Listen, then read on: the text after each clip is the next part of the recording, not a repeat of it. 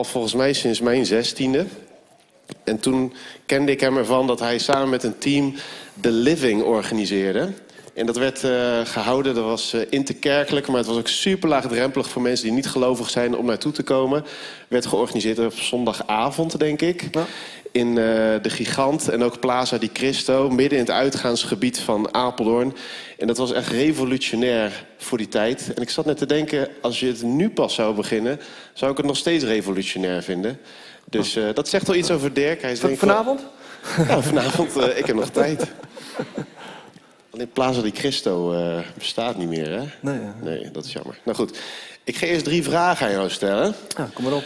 Uh, als je niet goed beantwoordt, dan uh, mag je niet spreken. Oké, okay, dan zak ik hier door de Dan zak je, gaat dit luik open, ik ga dus alvast hier staan. Oké, okay. vraag 1. Ik weet dat jij getrouwd bent met Hanneke. Hoe ziet de rest van jouw gezin eruit?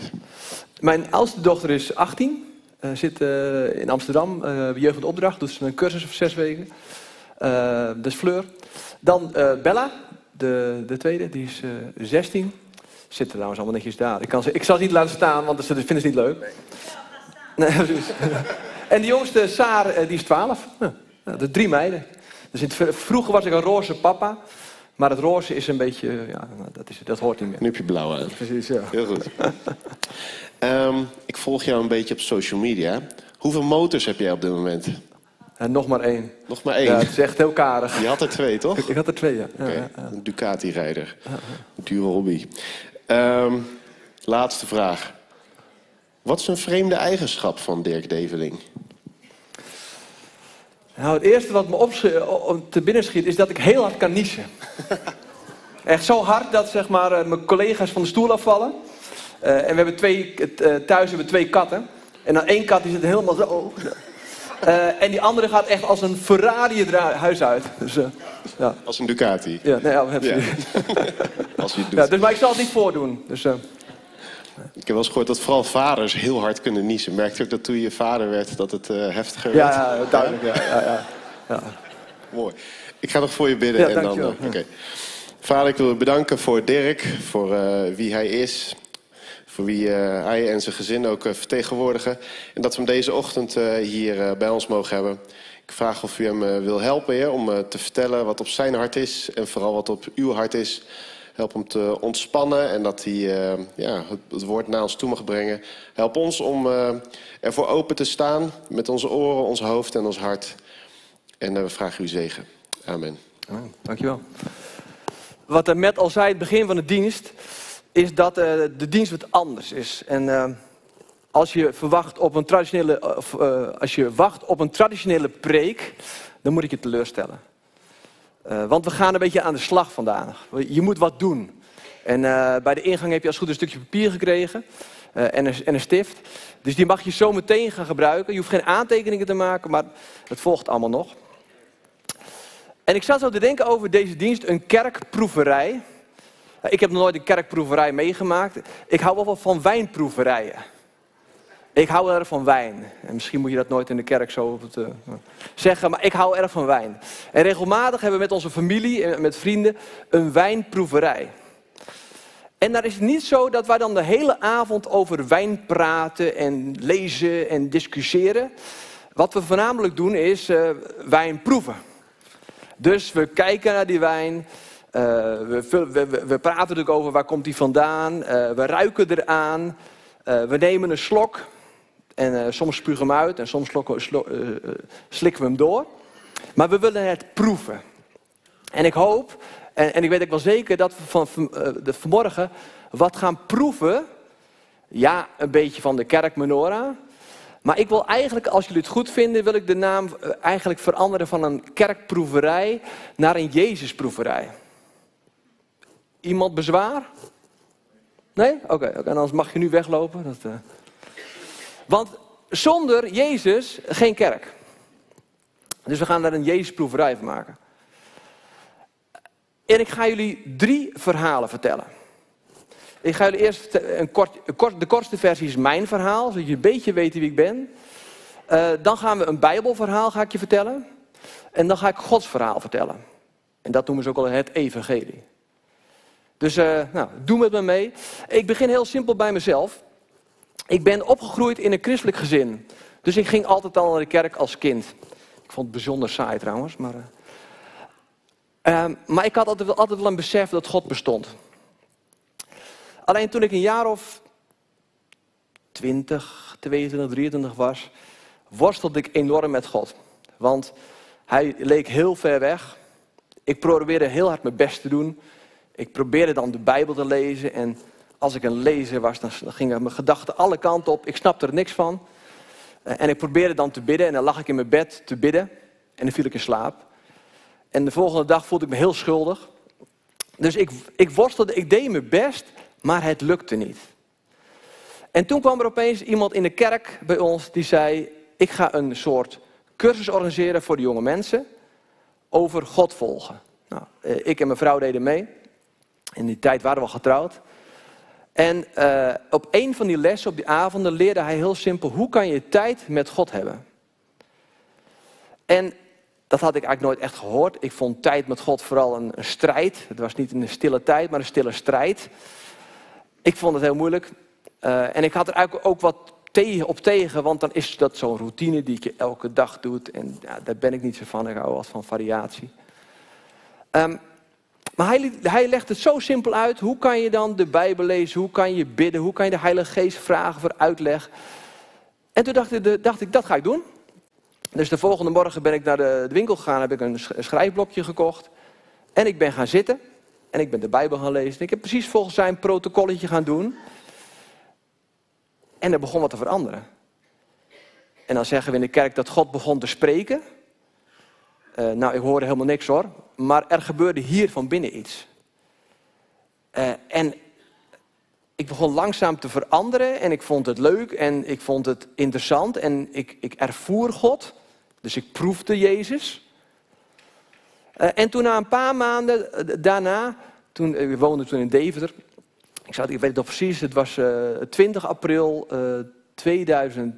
Ja, 2000, 20 april 2000. Nou, dus de eerste data weet ik niet zo goed, met april 2000. Ik zat aan die tafel eh, en ik was aan het lezen, het Psalm 100, is het 119, die hele lange? Die echt die hele lange. Uh, en daar had David het heel erg over dat hij zo enthousiast was over de wet van God. Nou, daar snapte ik helemaal niks van. En toen dacht ik hem, hoe kan dat nou? En terwijl ik daar zo over na zat te denken, kwam er in me geen hoorbare stem, maar wel een urge, een, een vraag diep van binnen. En die vraag was, Dirk, wil je je hele leven aan mij geven? Wow. Die vond ik wel zwaar, die vond ik wel pittig. Want ik denk, ja, als ik niks zeg, zeg ik eigenlijk nee. En ik had ook wel gevoel, ja, ik mag ook niks zeggen.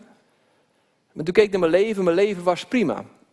Eh, ik was getrouwd, ik had een eigen bedrijf, ik had een huis en een auto. Ik was gezond, dus mijn leven was goed. Maar op dat moment dacht ik, als ik nou mijn leven aan God geef, wordt het alleen nog maar beter. Omdat Hij mij gemaakt heeft en Hij me kent. Dus na een uur heb ik gezegd, ja, dat wil ik. En ik heb het opgeschreven.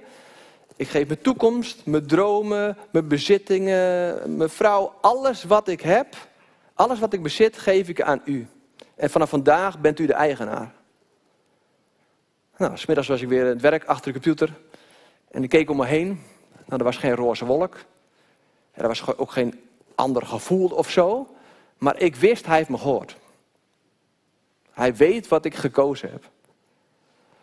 En de maanden of de weken daarna al begon ik iets te, iets te merken dat dingen begonnen te veranderen voor mij, in mij. En ik merkte bijvoorbeeld dat ik de Bijbel nog beter ging begrijpen. Uh, dingen, fout in mijn leven, zonde, waar ik mee worstelde, die begon ik te overwinnen. Uh, en het super interessante was, ik begon mensen omheen te zien. En die mensen waren natuurlijk al lang en ik zag ze wel, maar ik zag ze niet. Ik zag niet de persoon achter uh, de mens. En dat begon te veranderen. Ik begon meer van mijn vrouw te houden. en dat merkte zij ook. Dus, en ik hoefde er niks voor te doen. Nou kwam dat heel simpel, omdat Jezus aan de slag mocht binnenin me. En als we het over de Jezusproeverij hebben, uh, dan hoop ik dat je vandaag een stukje mag proeven van die Jezus. Dus dat is mijn verhaal. Het tweede verhaal, uh, ik ga je een verhaal vertellen over Jezus. uit de Bijbel. Je mag, ik ga niet zeggen waar het staat, want dan ga je nu meteen bladeren en zo, dat mag niet. Als je het achteraf wil weten, wil ik wel verklappen waar het staat in de Bijbel. Maar ik ga je een verhaal vertellen. Uh, en je moet heel erg goed opletten.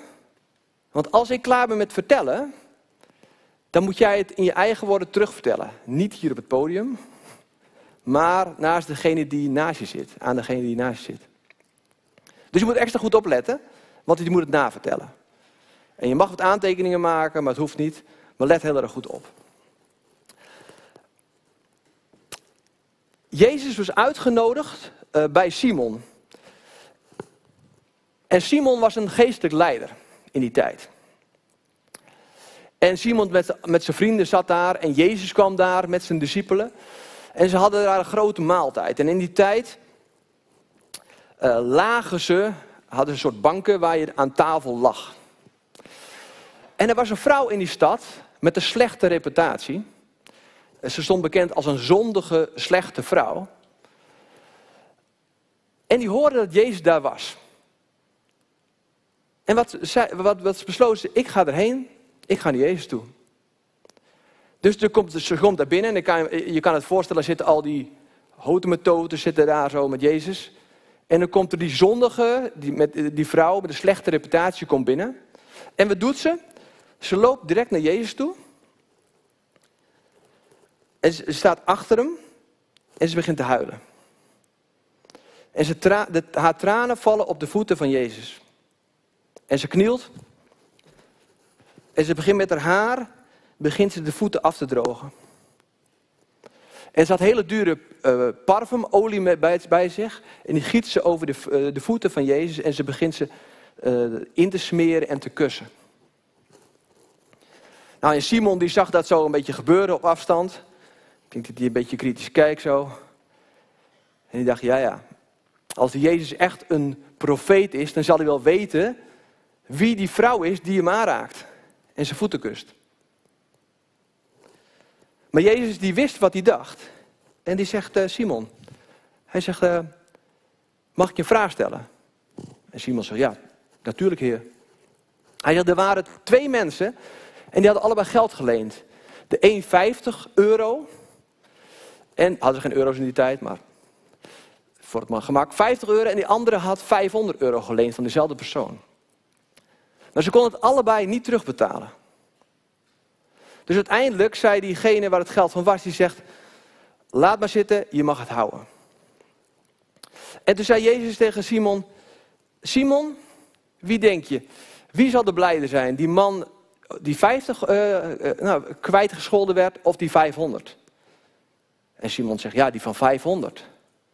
En Jezus zegt, heb je goed gezegd. Hij zegt, mensen die veel, vergeven, eh, veel gezondigd hebben en veel vergeven zijn, die zijn veel dankbaarder. Want hij zegt, Simon, deze vrouw, toen, toen ik binnenkwam, heb je me geen water gegeven om mijn voeten te wassen. Maar deze vrouw, die heeft met dat tranen mijn voeten gewassen.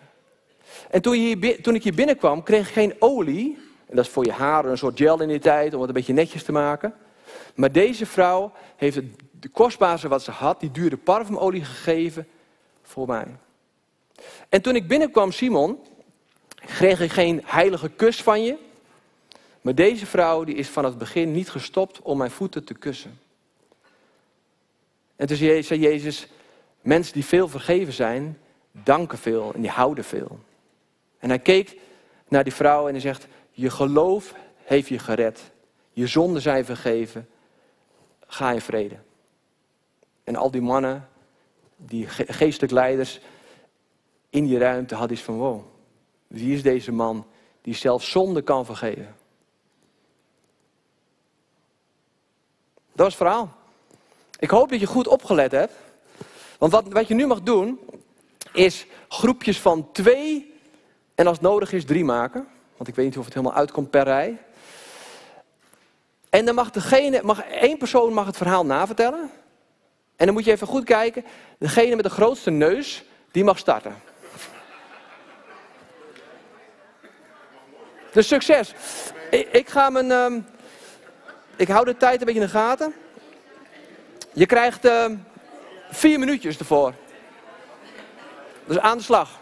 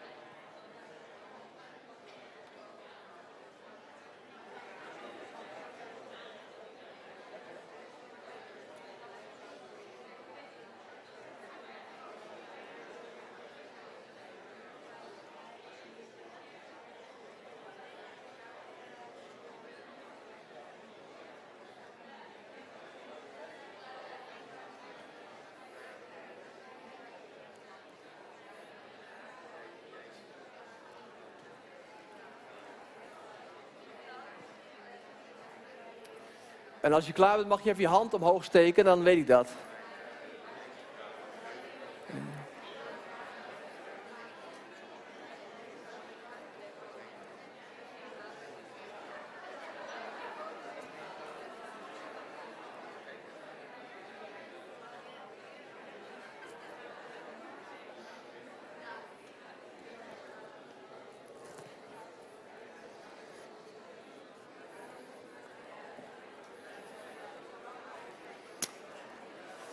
Oké, ik denk dat de meesten klaar zijn. Dankjewel. Waarom, ik, waarom we dit doen, is dat als je een verhaal hoort, dat is één. Maar als je een verhaal terug kan vertellen, betekent dat het verhaal in je hart zit. En dat is heel erg, dat, dat, dan verandert er iets. Je gaat ook anders opletten. Ik weet niet of je door had. Dan kan een beetje van, hoe uh, goed luisteren nu. Dus dat is gewoon belangrijk dat je een verhaal hoort en kan doorvertellen. Ik heb een paar vragen erover, over dit verhaal. En mijn eerste vraag is aan jullie, en je mag het even opschrijven, even, eh, even gewoon tien seconden over nadenken. Wat leer ik door dit verhaal over hoe Jezus is? Schrijf maar even op, even tien seconden.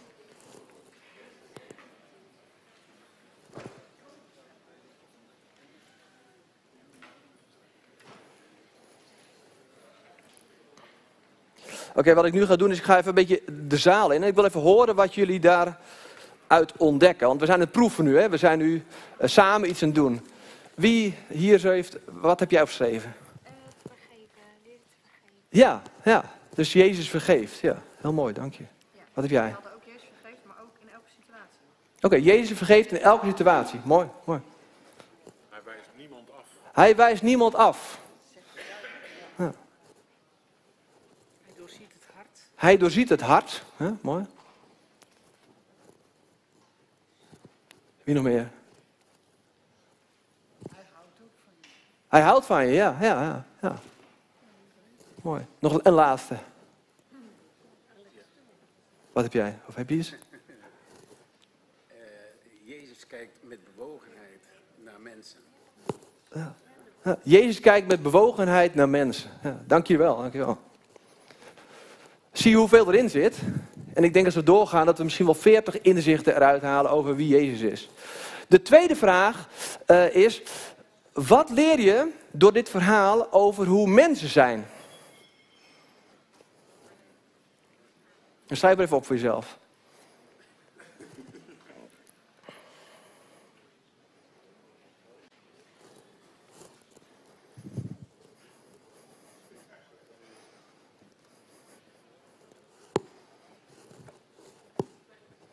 Oké, nu ga ik aan deze kant het vragen. Wie heeft er een, eh, een antwoord? Veroordelen. Veroordelend, ja. ja. Mensen wijzen op wat je niet goed doet. Mensen wijzen op wat je niet goed doet. Ja. Kritisch hoor ik hier. Gericht op het uiterlijk, op status. Ja. Kijken vanuit jezelf. Ja. Mensen in een hokje plaatsen.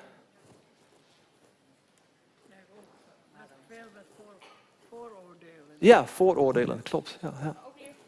Ook leergierig, ja, ja. Want we kijken nu naar die, eh, die mannen op die bank, zeg maar. En als we kijken naar die vrouw. Dapper, ja. Dankbaar, ja. Kwetsbaar. Nederig. Vol liefde, ja. Groot geloof. Ja. Dus nu leren we wat over wie Jezus is, hoe die is. We leren over mensen. Uh, en vanwege de tijd moeten we zo verder. Eén vraag die je niet hardop hoeft te beantwoorden, uh, maar voor jezelf moet beantwoorden. Als dit verhaal echt is, wat ga ik er dan de komende week mee doen? En misschien helpt het nog om na te denken, oké, stel dat we volgende week weer hier zitten en we vragen, hey, wat heb, heb je nog kunnen doen wat je ermee wilde doen? Dus schrijven we op, denken we voor na.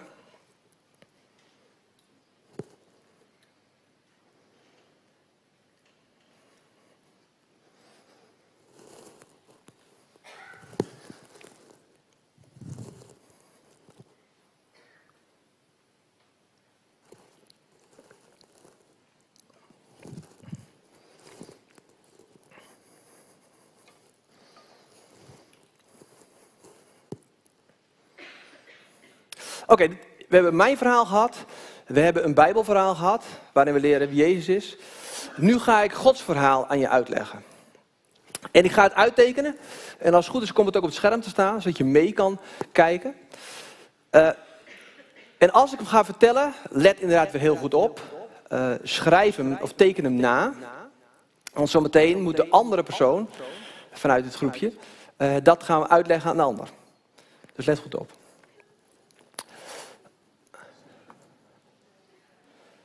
Even kijken.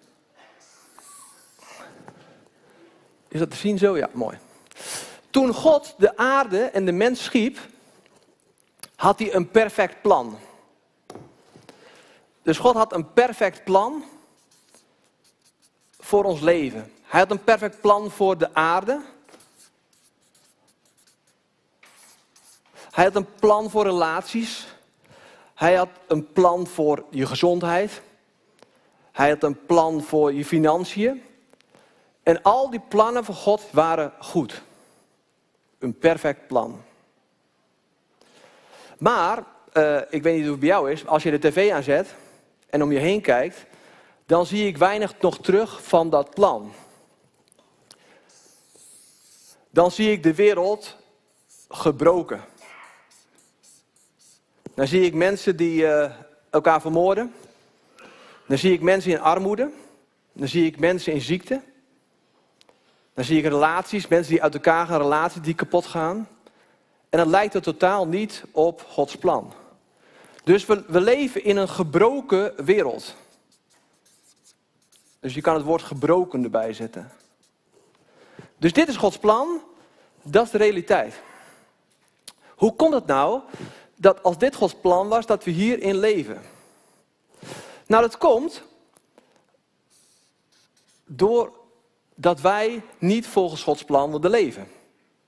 En niet volgens Gods plan leven noemt de Bijbel zonde. Dus zonde is niet alleen drugs gebruiken of iemand vermoorden, maar het is een houding in essentie. En die houding uh, veroorzaakt gedrag. Dus dat is wat de Bijbel zonde noemt. En omdat wij onze eigen weg gingen, zitten we nu hier.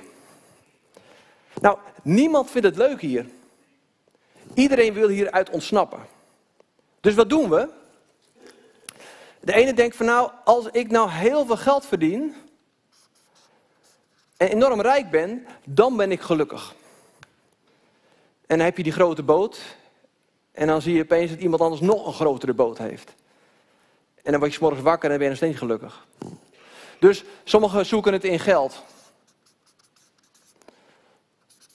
Anderen die denken, nou weet je, als ik nou een tientje aan Greenpeace geef elke maand, misschien kan ik dat wel een beetje afkopen dan. En uiteindelijk werkt het ook niet. Anderen denken, nou als ik nou elke week naar de kerk ga, of een kaarsje brand, dat noem ik religie, die denken als ik dat doe, misschien komt het dan wel goed. Anderen zoeken het in drugs, verboden seks.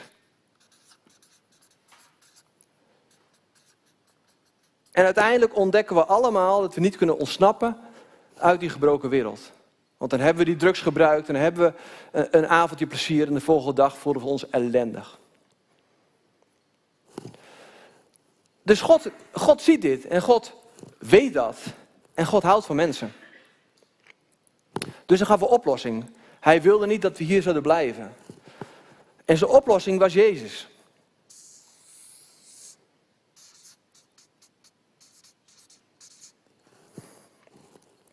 Jezus die kwam van God naar aarde, leefde hier een perfect leven en had geen deel van die zonde. En toen hij aan het einde van zijn leven stierf hij aan het kruis, en dat was geen foutje, hij werd daar aan het kruis gestraft voor al onze zonden. Hij kreeg de straf voor al die zonden die wij hebben gedaan. En toen ging hij dood. Want dat is meestal als je, als je sterft aan een kruis, dan ga je wel dood. Maar na drie dagen maakte God hem weer levend en ging hij terug naar de hemel. Dat is de oplossing om uit gebrokenheid te komen. Maar er is ook een, dat is Gods deel. Maar er is ook een deel wat wij moeten doen. Wij moeten van deze wereld, moeten we ons ten eerste omkeren. Omkeren van ons eigen zelfzuchtige leven waarin we zelf alles beslissen. We moeten geloven dat Jezus bij God vandaan kwam, dat hij voor onze zonde is gestorven. Dat moeten we geloven. En dat hij opgestaan is en in de hemel is. En we moeten ons laten dopen. En dat is een symbool van die omkering. Uh, en dan gebeurt er ook geestelijk wat. Als we dus ons omkeren, dit geloven en ons laten dopen, dan gebeurt er iets bijzonders in ons leven. Dan gaan we via Jezus terug naar Gods plan. Er is geen garantie dat het meteen allemaal perfect is. Maar je gaat op weg die kant op. Het is opeens mogelijk om terug te komen bij God en in zijn plan. Nou, wat gebeurt er dan? Er komt herstel. En herstel is vergeving van zonde, maar ook innerlijke genezing. Je krijgt de Heilige Geest en dat is de kracht om het leven met God te leven. De Heilige Geest. Plus, we krijgen een missie, een opdracht. Een opdracht om weer vanuit Gods plan terug te gaan naar een gebroken wereld. Dat is missie. Om andere mensen te helpen die cirkel te maken om via Jezus terug te komen bij God. Dat is Gods verhaal in een paar minuten uitgelegd. Het gaat nog wel dieper, maar dit is de basic. Als je dit weet, ken je Gods plan voor jouw leven. En mijn vraag is nu, en die mag je zometeen ook aan elkaar stellen als je het gaat uitleggen. Als dit een kaart van je leven is, waar sta je dan? En je mag hem op het papiertje meteen aanwijzen. Zit je nog helemaal hier? Zit je hier? Zit je daar? Of heb je net uh, gisteren op de uh, op hoe heet het, de, de kerkproeverij Jezus ontmoet. Dan zit je dus vandaag hier. Wat, waar, waar zit je? En als je nog hier zit of onderweg bent, dan is de vraag: wat houdt je tegen om Jezus te accepteren en zo terug te gaan naar Gods plan? Nou, ik ben geweest, nu is het jullie. Dus de ander met de mindere grote neus mag starten. Ja. Dus aan de slag. En even één regel, je mag er niet allerlei andere theorieën en bijbelteksten bij houden. Hou het simpel bij dit verhaal.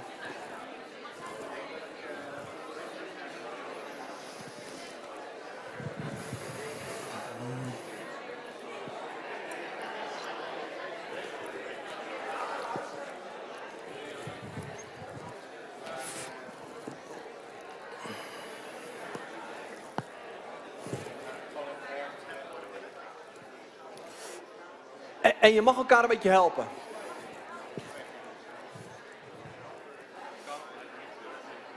Kan je hem nog iets meer inzoomen of niet? Is dat mogelijk? Oké. Dus, ja, zodat het beter te lezen is. Maar...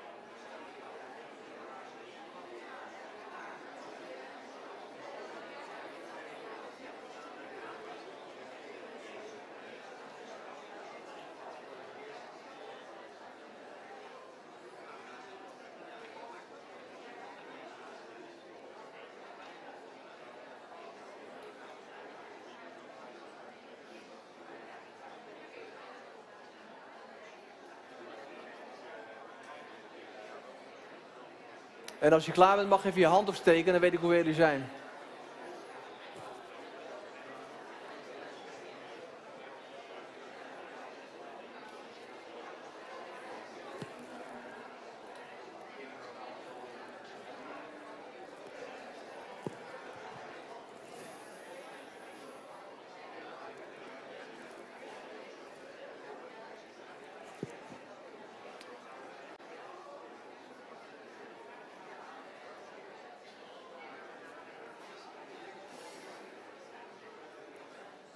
Ik denk dat de meeste mensen klaar zijn. En als het een beertijd eh, was, dan zouden ook de anderen nog een keer kunnen oefenen. Misschien is het de eerste keer dat je dit verhaal gehoord hebt. Voor wie was het de eerste keer dat hij dit verhaal gehoord heeft? Oké, helder. Dan is echt mijn vraag, uh, en stel hem aan jezelf ook, wat houdt je tegen om via Jezus terug naar God te gaan? En dat kan je heel simpel, heel simpel tegen God gewoon zeggen. Jezus, ik wil me omkeren van mijn eigen leven, mijn eigen gecentreerde leven. En ik wil via Jezus vergeving ontvangen en de Heilige Geest. En ik wil terug naar u. Ik wil terug naar uw plan. En als je dat tegen, tegen God zegt, tegen Jezus zegt, dan kan je eigen woorden. Zeg het dan ook eventjes tegen een christelijke vriend of vriendin of iemand die je vertrouwt. Eh, die kan je verder helpen. Voor, als, voor de mensen die het verhaal wel kenden, eh, dit moet je op zak hebben. Eh, en er zijn meerdere manieren om Gods verhaal, het evangelie uit te leggen. Ik vind het hele simpele. Maar je moet het paraat hebben. En daarom is mijn advies, oefen dit vijf keer. Ga dit vijf keer oefenen. Dat het je uit je hoofd kan, kent. Ik zat in een vliegtuig eh, zeven jaar geleden. En er zat iemand naast me, st- stond er ertussen. En hij, eh, hij begon wat vragen aan me te stellen. Het leuke verhaal was, het was zo'n cheap-ass vlucht... waarbij je dan zelf voor je film moest betalen. En dat duurde wel lang. En toen dacht ik, ga ik nou 8 dollar betalen voor de film of niet? En ik had net zeg maar, mijn creditcard geswiped en besloten, ik ga hem kijken. En toen begon die man met me te praten. En ik dacht, hou op man, ik heb net betaald voor de film. En... Maar op een gegeven moment viel het kwartje. Ik denk, oké, de Heilige Geest wil iets doen hier. Dus ik denk, ah, laat die film maar. Dus ik begin met hem te praten en hij ging eh, vragen stellen over de Bijbel aan me. En ik zei tegen hem, ik zeg, voel je je ver bij God vandaan of dicht bij God? Nou, hij zegt een beetje in- between, zeg maar. Eh, ik zeg, mag ik jou vertellen hoe ik dicht bij God ben gekomen? Nou, toen heb ik dat verhaal, wat ik net aan jullie verteld heb, mijn verhaal hem verteld. Nou, hij vond het mooi. Ik zeg, mag ik jou laten zien hoe je dicht bij God kan komen? Nou, toen pakte ik een, een, servetje en op het middelstuk eh, tafeltje klapte ik open. Heb ik het getekend, omdat ik het uit mijn hoofd wist. En ik legde het uit. Ik zeg, waar sta jij? Hij zegt, nou, ik sta, ik sta hier. Ik zeg, nou, wat houdt je tegen om Jezus aan te nemen en terug naar God te zijn? Hij zegt, niks. Was ik een verbaasd. Dus ik heb hem geholpen om, eh, om, om Jezus aan te nemen en die stap te nemen. We hebben toen we geland zijn het Bijbel-app gedownload. Eh, en het hele bijzondere is, gisteren, eh dit is zeven jaar geleden, gisteren had ik weer contact met hem. Hij woont in Amerika.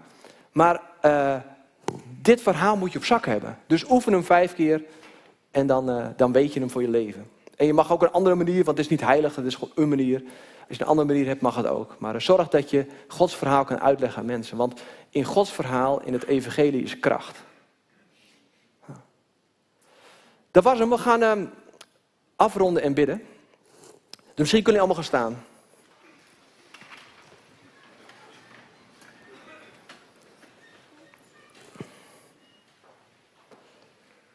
Jezus, als eerste bedanken we u voor wie u bent.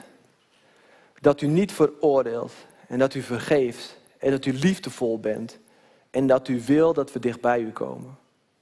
En Heer, we beleiden ook meteen dat we soms zijn als, de, als die eh, geestelijk leiders die veroordelen, die kritisch zijn, die denken dat ze zelf beter zijn. Heer, we beleiden dat we dat heel vaak doen.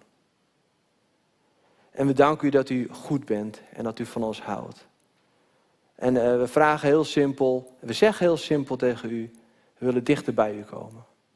We willen net als deze vrouw u aanraken, u kussen, u liefhebben. En Heer, we hebben allemaal iets opgeschreven wat we de komende week gaan doen. En ik bid dat u ons helpt en daar kracht voor geeft om het ook echt te doen. Heer, want we weten als we niet alleen u hoort horen, maar, horen, maar ook doen, dat er verandering plaatsvindt. Dus we zijn blij. En Heer, dank u wel dat u van ons houdt. En ehm, eh, ik zegen jullie als gemeente, maar ook als ieder individueel hier in deze zaal. Met Gods kracht, met Gods genade. De liefde van Jezus in je leven, zijn aanwezigheid. En ik bid dat dit een, een week wordt dat je dichter bij Hem komt, omdat je je niet veroordeeld voelt. Dat je Zijn liefde ervaart, Hem zoekt, van Hem geniet. Maar ook dat we kansen krijgen om andere mensen ditzelfde verhaal te vertellen. En zo zegen ik jullie in Jezus' naam. Amen.